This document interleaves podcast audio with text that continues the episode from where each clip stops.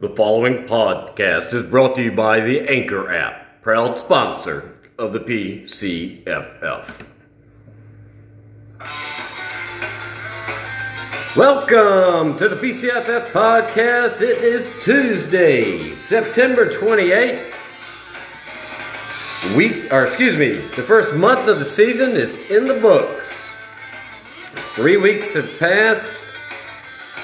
We have zero undefeated teams left.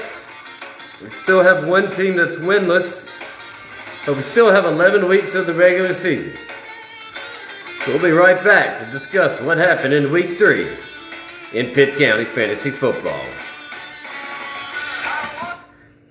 All right, let's start with your game of the week. The 2 and 0 in league leading in scoring Miami Militia took on the New York Criminals. And uh, unfortunately for Miami, early on in this one, number one overall pick, Christian McCaffrey, a bad hamstring injury. It doesn't look like he's going on IR, so hopefully for the militia's sake, he's only going to be out uh, another game, two, maybe three games.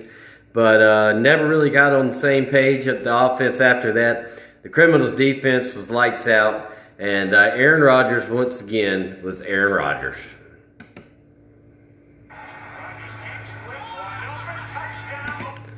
That's another touchdown for Aaron Rodgers. After a rough week one, he has bounced back in a big way.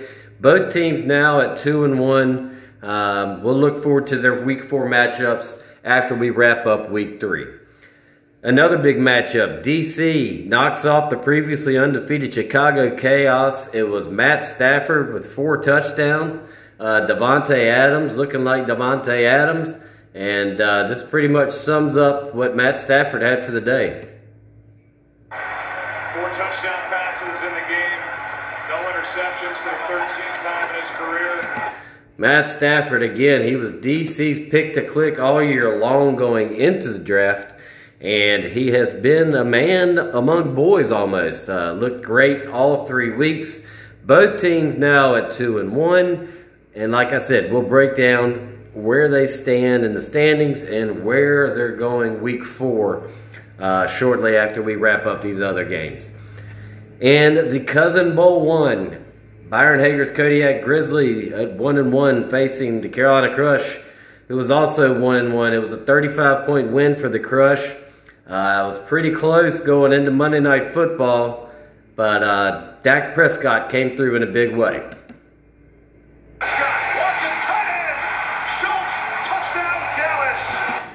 That was a touchdown from Prescott. Uh, he's he's looked pretty uh, pretty pretty solid and healthy this year, which is what the Crush were hoping. Cooper Kupp, uh, we have to mention him. Two more touchdowns, another huge game. Right now, you take out the quarterbacks, he is the number one player in the PCFF points wise through three weeks. Although, as a Kupp owner and a Crush owner, we've seen this before, and an injury uh, ended that season roughly. For Kodiak, Lamar Jackson played well. He had some key drops in that one. Could have had a monster game, which could have been the difference in a Kodiak comeback, and uh, difference was 35 points. So, I mean, it's a huge difference, but still, when you got receivers dropping touchdowns left and right like Lamar did, it's always tough. New Minglewood taking care of London in a big way. The biggest uh, margin of victory on the week, Josh Allen put up a 42 and a half burger. Uh, this is kind of what it sounded like.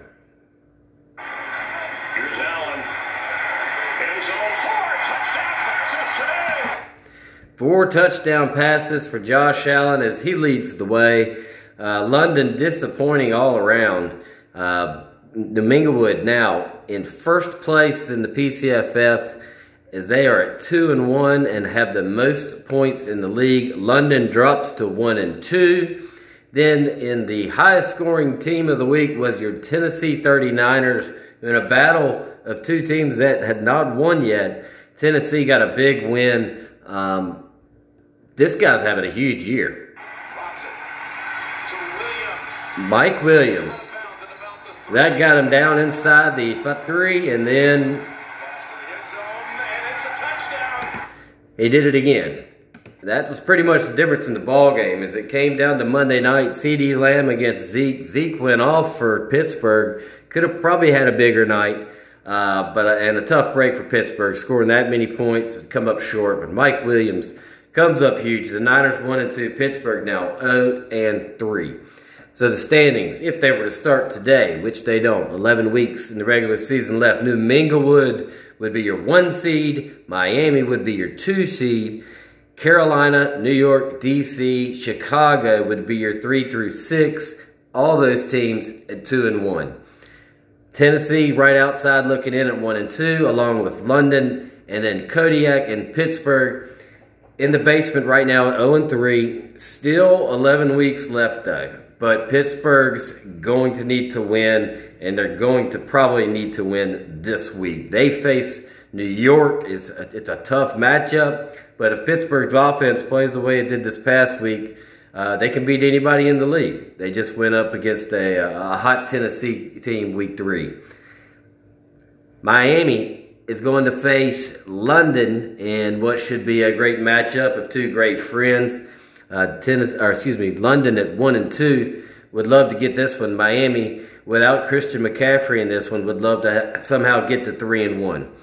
Cousin Bowl number two, Kodiak versus Tennessee. Kodiak and Tennessee both one and two. So the loser of this falls to one and three, which is a tough spot. The winner gets to 500. The old roommate bowl, Carolina versus DC, a big time matchup. Both teams two and one. Both teams coming off wins. But your game of the week is New Minglewood versus Chicago. Chicago was undefeated before falling to DC this past week. New Minglewood is the number one team in the league right now as far as points, and they are two and one, so they would be your one seed if the playoffs started today. Uh, tough break again, like I said. We always try to mention some injuries. Uh, Juju Smith Schuster went down early for Kodiak. Uh, I'm not sure on when he comes back. McCaffrey, we mentioned, would be probably a two to three week thing. Um, nothing off the top of my head on who else maybe had a major injury. But uh, still a lot of football left. So if you're 0 3, if you're 1 and 2, still, I mean, the points are, are very, very close. I mean, I don't have it right in front of me, but I mean, the top, top six teams are divided by a matter of, you know, 50, 60 points, something like that, I, I believe. And then, you know, you just got to get some wins, and then the points will come into play. But for, until next time, Daniel Hager signing off. Week four starts in two and a half days. Good luck, and I hope everyone have a good, has a good week.